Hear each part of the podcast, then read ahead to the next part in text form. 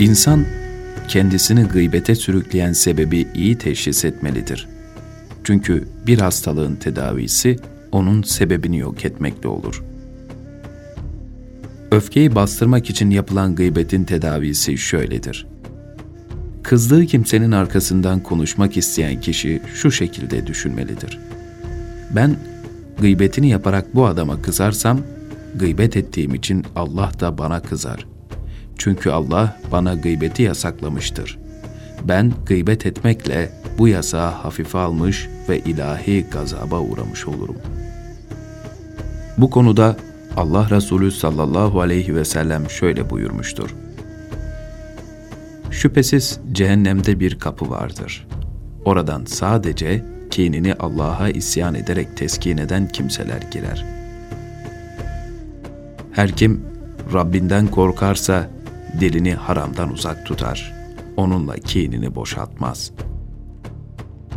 İntikam almaya gücü yettiği halde öfkesini tutan kişiyi Allah kıyamet günü mahlukatın önüne çıkarır ve istediği hurileri almakta onu serbest bırakır. Bazı peygamberlere indirilen kitaplarda şöyle geçtiği söylenir. Ey Ademoğlu! Kızdığın zaman beni hatırla ki ben de kızdığımda seni anayım. Helak ettiklerimle beraber seni de helak etmeyeyim. Arkadaşlara uymak için yapılan gıybetten kurtulmanın çaresi şöyledir. Kulları memnun edeyim diye Allah'ın gazabını çekersen, bu davranışından dolayı Allah Teala'nın sana kızacağını unutma. Mevla'nın hakkını çiğneyerek başkasını memnun etmeye nasıl razı olursun? Onları hoşnut edeyim diye Allah'ın rızasını nasıl terk edersin? Sen ancak Allah için kızabilirsin. Bu da kızdığın şahsı kötülemeyi gerektirmez. Bilakis o adamı gıybet ederek anan arkadaşlarına Allah için kızmalısın. Çünkü onlar gıybette en çirkin günahı işleyerek Cenab-ı Hakk'a isyan etmektedirler. Bir de gıybetin kendini savunmak adına yapılanı var. Bazıları bir suçu başkasına aitmiş gibi göstererek kendisini temize çıkarmaya çalışır ve sürekli bir insanın ayıbını sayıp dökmekle uğraşır. Bunun tedavisi insanın kesin olarak şunu bilmesidir. Yaratıcının gazabına uğramak, insanların gazabına uğramaktan daha çetindir.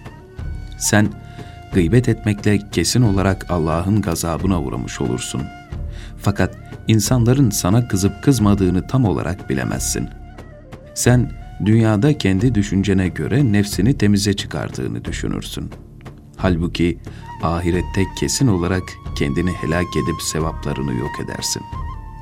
Allah Teala gıybet edeni peşinen yermişken sen insanların seni sevmesini ve yermemesini beklersin. Bu durum cahilliğin ve akılsızlığın ta kendisidir. Senin mazeret olarak eğer ben haram yiyorsam filan da yiyor gibi sözlerle özür beyan etmen de cahilliktir. Çünkü sen peşinden gidilmemesi gereken kişiye uymayı bir mazeret olarak gösteriyorsun. Kim olursa olsun Allah'ın emirlerine karşı gelene uyulmaz. Şayet bir takım insanlar ateşe atlasalar, senin de buna karşı koymaya gücün varsa o insanlara uymazsın. Uyarsan aklını yitirmiş sayılırsın. Senin kendini temize çıkarmak için söylediklerin de gıybettir. Büyük günahtır.''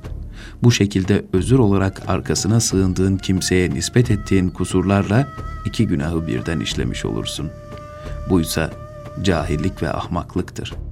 Senin durumun şu koyuna benzer. Koyunun biri bir keçi görür. Keçi kendisini dağın tepesinden aşağı doğru atar. Bunu gören koyun da aynısını yapar. Koyunun dili olsaydı herhalde şöyle bir özür ileri sürerdi. Keçi benden daha akıllıdır. O kendini atıp helak ettiği için ben de onun yaptığını yaptım. Elbette bunu yapanın ve söyleyenin cahilliğine gülersin. Halbuki senin durumun da aynıdır. Ancak sen bu haline hiç şaşırmaz ve gülmezsin.''